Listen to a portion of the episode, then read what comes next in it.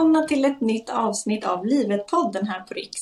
Idag ska jag och Rickard prata lite om mentalsjukhus. Eh, tycker du att vi ska köra igång på direkten, Ja, jag måste Rickard? korrigera dig Mira. För att jag, för att jag läste Ja. att eh, fram till 1959 var sinnessjukvård den officiella termen för omhändertagandet av psykiskt sjuka människor. Därför, därefter ersattes termen av mentalvård. Men efter 1966 ska det heta psykiatrisk vård. Så eh, Okej, ja. Du får ursäkta en vanlig lekman som Ja. jag. Nej, men man kanske säger mentalsjukhus om de gamla sjukhusen, för det är de vi ska prata om. Att, Precis. Det stämmer. Vi har ju då läst en eh, debattartikel den här veckan som handlar om att eh, det var fel att stänga mentalsjukhusen utan att ge samhället resurser att ta hand om psykiskt sjuka som behöver omsorg dygnet runt till exempel. Och den här skribenten kopplar det till vansinnesdåd som begåtts av psykiskt sjuka människor och som kanske sökt vård tidigare men blivit hemskickade och sen därefter då begått hemska våldsdåd. Eh, och på de här stora mentalsjukhusen som vi tidigare hade i Sverige så levde de psykiskt sjuka människorna i en tillvaro som kanske gav dem ett sammanhang där de fick vara med och sköta om trädgården, laga mat tillsammans och andra sysslor som kanske gav en känslan av att ha ett syfte ändå, även om man mådde dåligt. Eh, och sen blev det inte alltid så bra för de här personerna när de skulle slussas ut i samhället och få egna bostäder efter den här psykvårdsreformen 1995. Och eh, den skulle ju då, det var tänkt att den skulle vara mer human.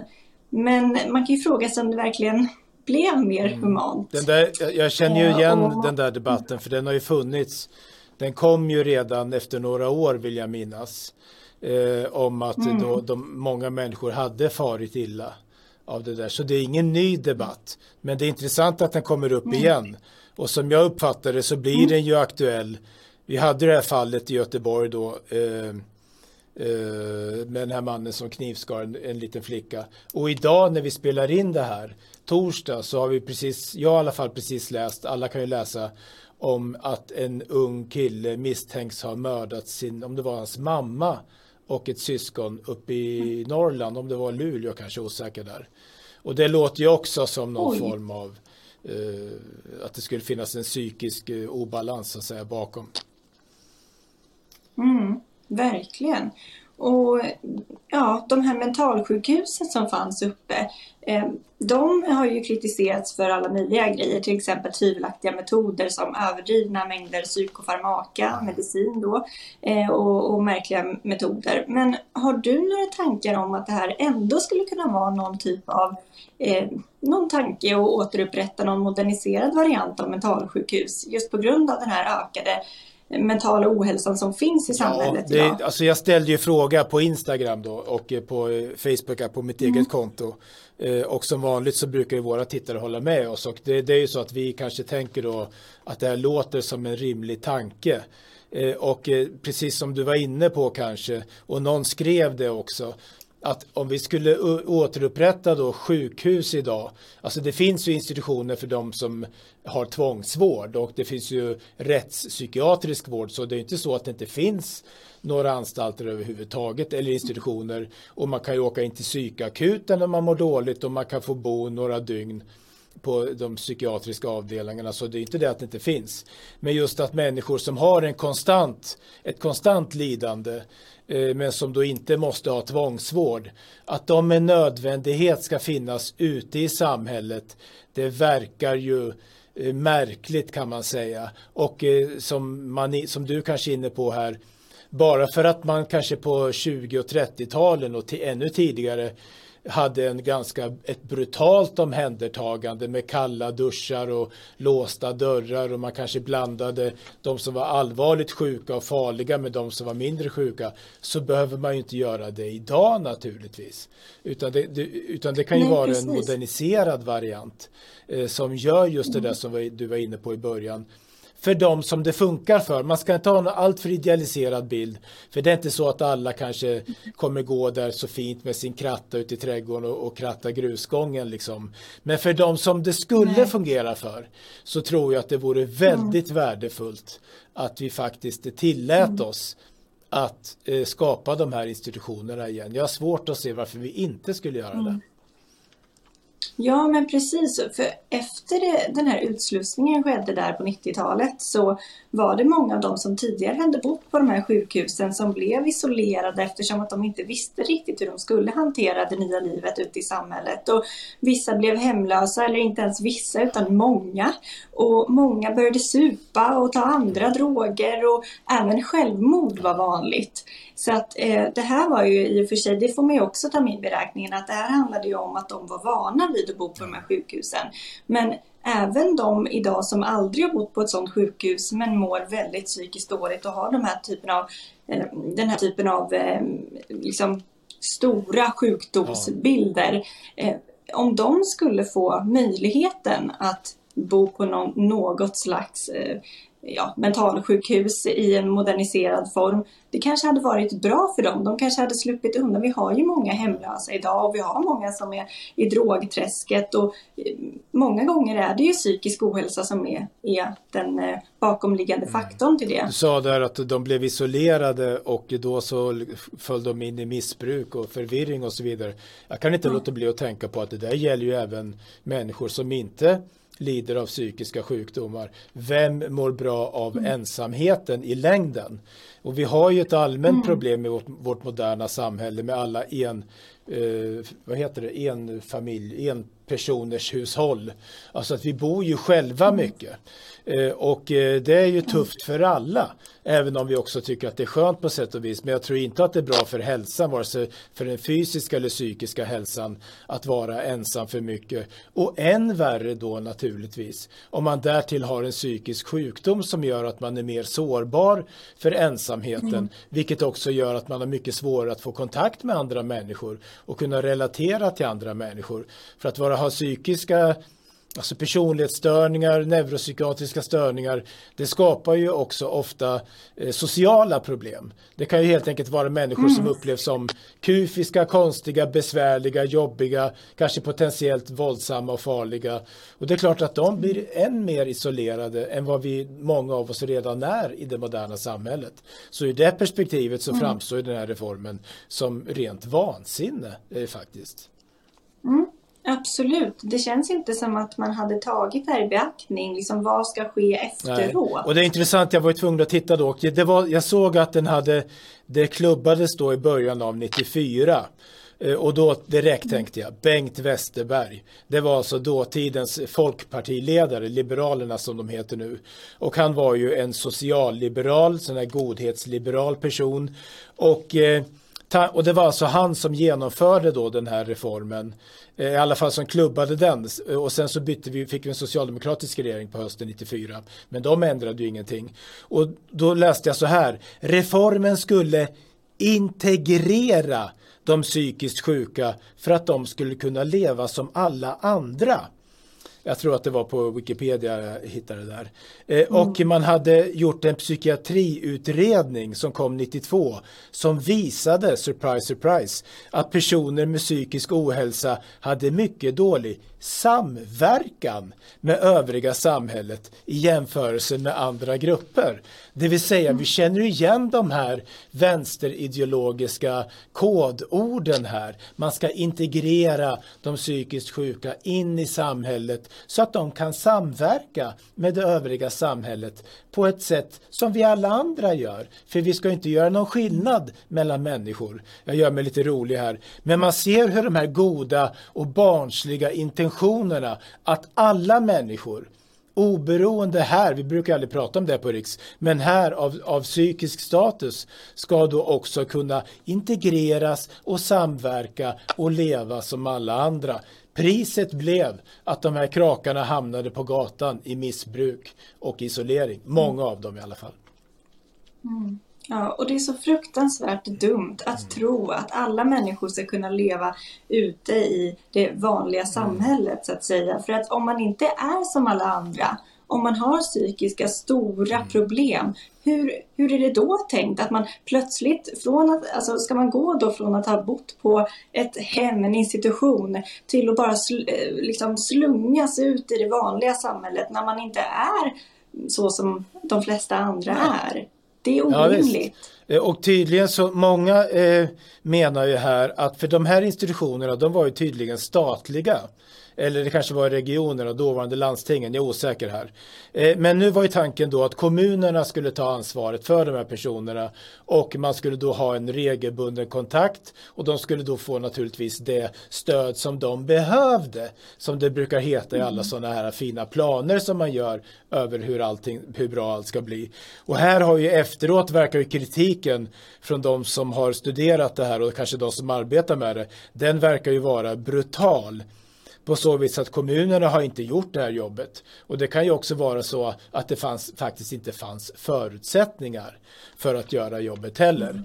Och jag, jag, kan haka på där på en gång med ett av de svar som jag fick, för jag skrev ju då på på Instagram eh, och på Facebook och jag bad människor kommentera det här ämnet.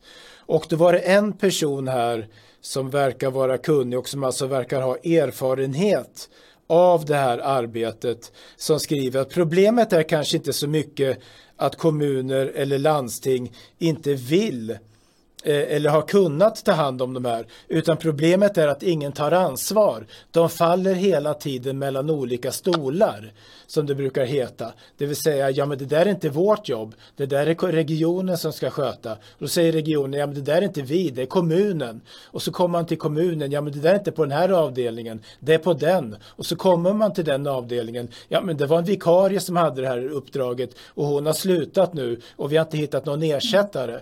Så det är sådana problem som också uppstår naturligtvis mm. när man då ska hitta personer i det offentliga Sverige som ska vara en daglig kontakt, som ska vara en dag, mm. ett, ett, ett regelbundet stöd till de, det regelbundna stöd som de här människorna behöver.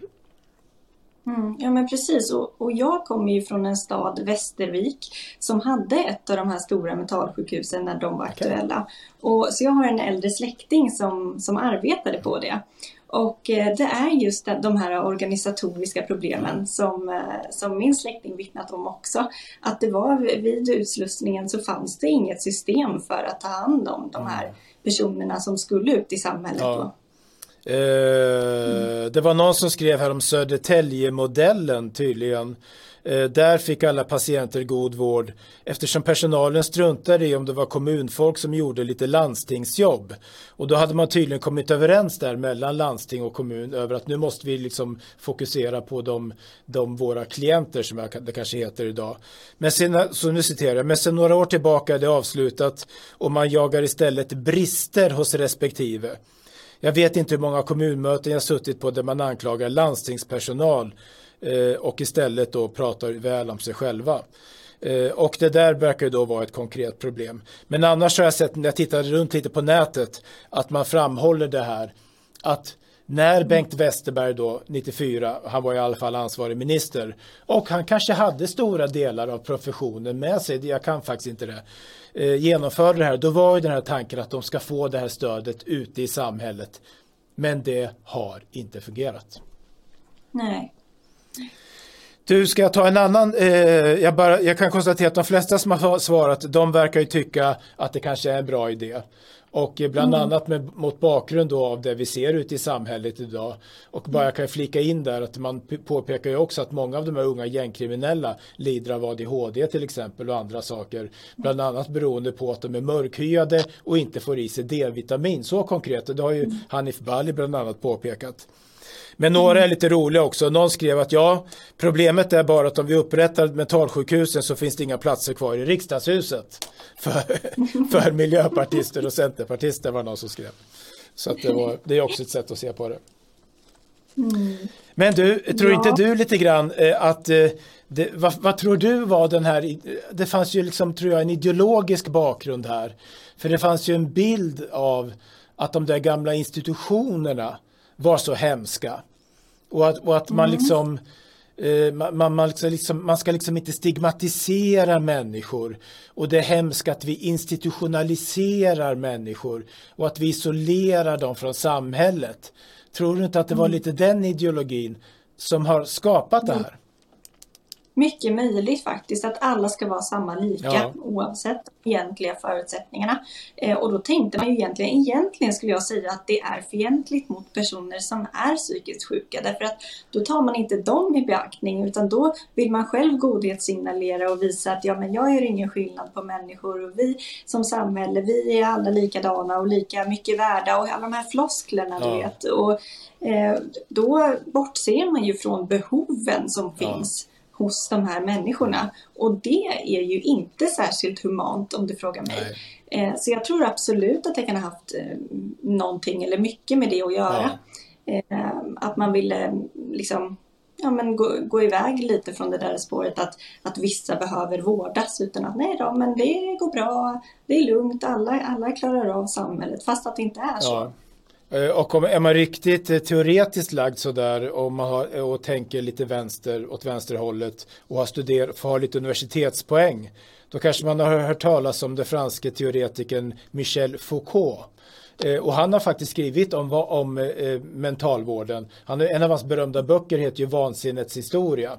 Och det, mm. jag kan inte de detaljerna, jag har inte läst det men jag känner till den lite grann. Och där liksom går han igenom, han presenterar den här synen att att under, liksom, i och med att västerlandet då har blivit mer och mer organiserat, vi får stadsstater, liksom, vi delar upp oss och vi organiserar samhället generellt, så uppstod det här behovet att tränga undan allt som inte passade in i den här normaliteten. Mm. Och man har en ganska idealiserad bild av att förr i tiden så, fanns, så hade vansinnet en plats i samhället. De fanns liksom i, med oss, vi accepterade att de, att de fanns med oss. Men nu så blev det plötsligt någonting som inte fick plats i det här moderna rationella samhället. Och då skapade man de här institutionerna där man gömde undan dem.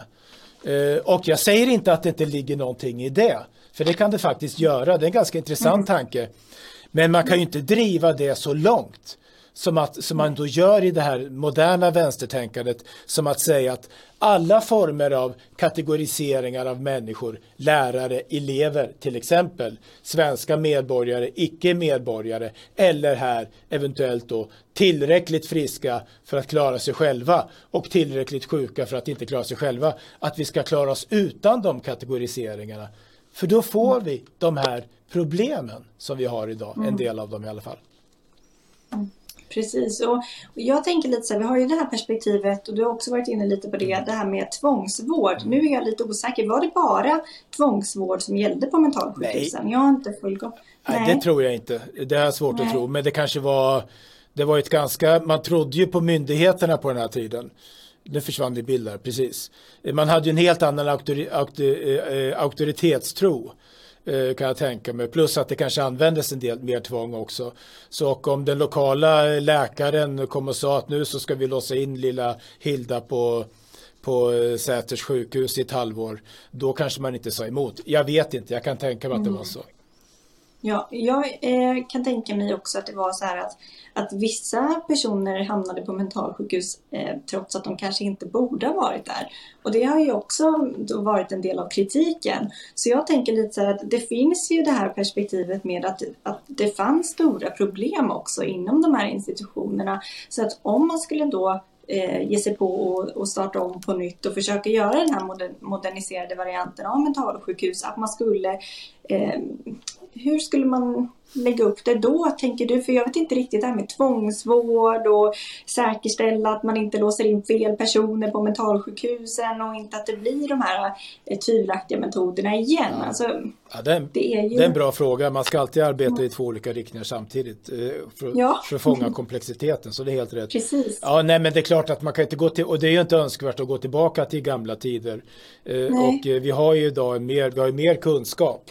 Och vi har ju en bättre utvecklad syn på, på vissa saker och ting. Så att man kan ju ändå tycka att med den kunskap som finns idag eh, så eh, ja, jag ser framför mig att man helt enkelt erbjuder människor en plats på en institution där de liksom får en, en sovplats, ett eget rum, re, regelbunden mat eh, och sen så har de ingenting annat i princip. Mm. För vi har, vi har i alla fall bostadsbrist så alternativet är ju mm. oftast gatan.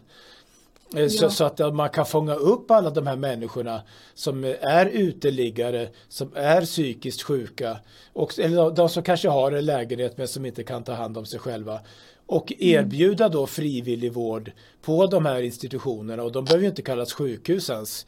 Eh, så är väl det långt mycket vunnet kanske. Eh, sen att man låser in människor på nätterna och så vidare för att de inte ska springa iväg. Ja, det kanske kan ingå i konceptet. Vi har ju en hel del. Det finns ju exempelvis någonting som heter LSS. Eh, lagen om stöd och service. Och det är ju frivilligt. Många blandar ihop det med HBB, där låser man in folk. Mm. Men LSS har ju också boenden för olika kategorier då människor som har olika typer av problem. Och det är frivilligt. Vill de gå ut mm. därifrån så är det ingen som hindrar dem. Men de bor ju kvar i alla fall, många av dem. Ja. För att det är, det, det är liksom bra. Du har, du har en bostad, du har ett hem. Eh, du har din lilla lägenhet där du kan stänga in dig och känna dig trygg och sitta framför datorn som många gör idag. Mm. Det är väl bättre det än att de hänger ute på gatan vind för våg. Liksom. Absolut, verkligen. Uh, ja, du, jag tänkte på en sak till. Jag tittade mm. på jag tittade på Säters sjukhus på, på nätet. Ja. Uh, för där satt ju den berömde Thomas Quick. Uh, och som då visade sig vara mytoman. Eh, men han var ju naturligtvis inlåst för han satt ju på rättspsyk.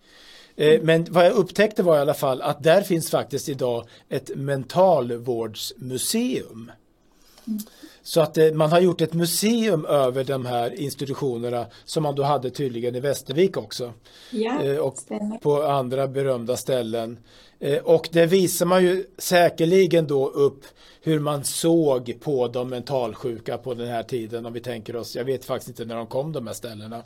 Eh, mm. Men eh, och då, jag antar att det var det här att de var kanske stigmatiserade eh, och att man liksom förkastade de psykiskt sjuka. Och går man långt tillbaka så var det de här brutala metoderna med kalla duschar och sånt som ingen mm. mänsklig människa vill ha idag. Mm. Eh, och det finns ju liksom en det fanns då en socialt konstruerad bild av de mentalsjuka som var liksom kanske förenklad och det är den man vill visa upp. Men nu har inte jag varit där. Men det vore intressant att se om man också framställer de här positiva sidorna som rimligtvis måste ha funnits för en del. Att det var rutiner, att det var tryggt, att man kanske kände att det fanns ett sammanhang och det här mm. som hon är inne på i sin artikel här, Nalin Baksi. Jo, precis. Och, och sen så tänker jag, det finns ju två olika aspekter av det här. Man kan ju delvis ta hänsyn till de psykiskt sjuka människorna som hade möjligen mått bättre av, av att bo på en institution på det viset. Samtidigt har vi även allmänhetens säkerhet ute. Och nu säger jag inte att alla eh, psykiskt sjuka människor är kapabla till att, att begå hemska våldsdåd. Men vi, vi har sett många sådana vansinnesdåd av människor som har sökt vård tidigare ja. och kanske blivit nekade vård. Ja.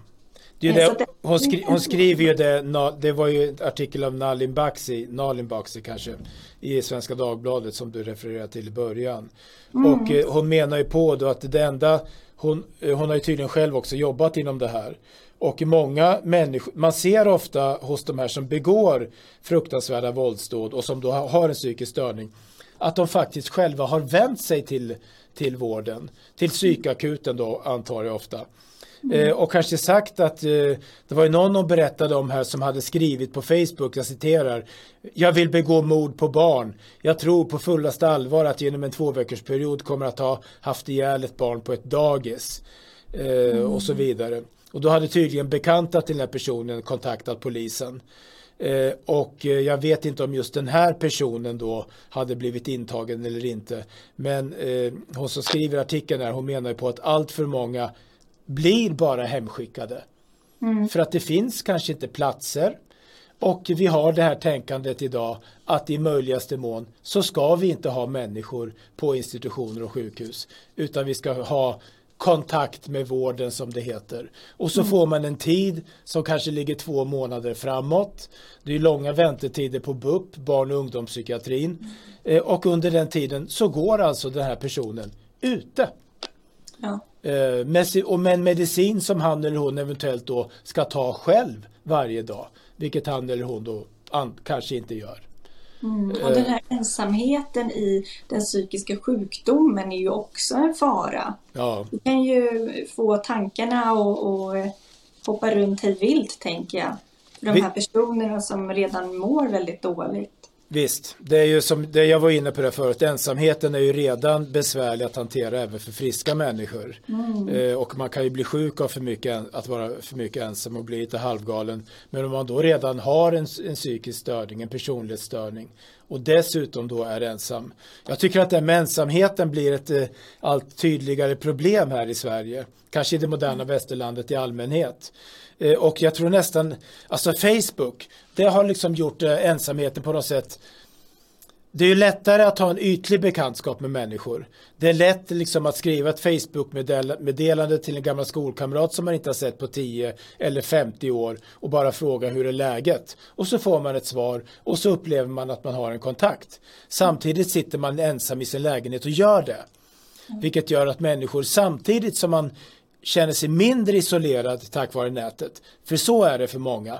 Och speciellt för psykiskt sjuka och för autister och sådär som har svårt för den här direkta sociala kontakten. För dem har internet varit helt fantastiskt. Mm. Samtidigt som det blir mindre isolerat så blir det också så att vi inte behöver gå ut och träffa människor på riktigt. Ja, det blir någon typ av fejkad socialisering. Ja. Ja. Jo. Men ja, eh, mm. om vi ska ta och sammanfatta det här lite då. Eh, mm. Vad har vi kommit fram till egentligen? Skulle vi, är det mentalsjukhus som är vägen ja. att gå framåt? Ja, jag talar eget intresse här. Jag hoppas det finns ett mentalsjukhus för mig snart.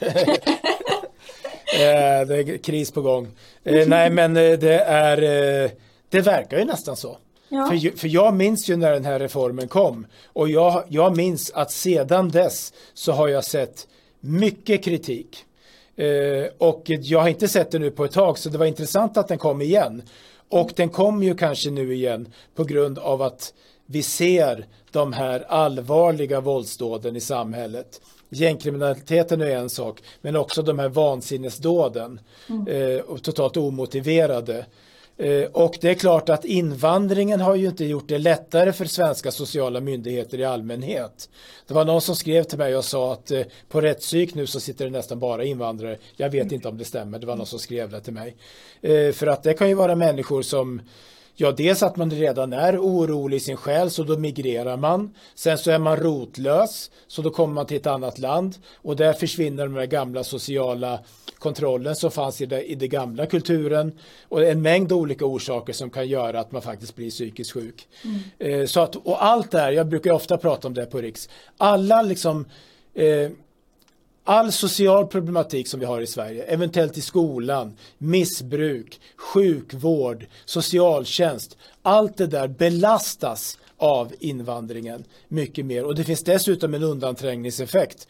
Det är ju mycket svårare att få komma i kontakt med psykvården till exempel idag för att det är längre köer. Ja. Eh, och att vi måste kanske börja tänka här eh, kring just det här fallet, eh, psykiskt sjuka då, att det kanske inte är så dumt för människor att integreras in i en liten gemenskap på avdelningen istället för att integreras ut i det stora anonyma samhället där man bara blir en liten ö i den här stora eviga skärgården av isolerade öar. Liksom. Mycket bra sammanfattat. Ja, kanske. Ja, jag tycker det. Känner okay. vi oss klara för den här veckan? Ja, jag tror det. Det var ett lite annorlunda ämne den här gången, men det här är ett viktigt ämne. Absolut. Och vi kan, vi kan ju återkomma och våra tittare får gärna skriva också. Det här med ensamhet, sociala medier. Det tycker jag är ett, ett intressant ämne som vi säkert kan fånga upp någon gång. Väldigt intressant. Mm. Då får vi tacka för att ni har lyssnat den här veckan och så får ni ha det så bra tills nästa gång.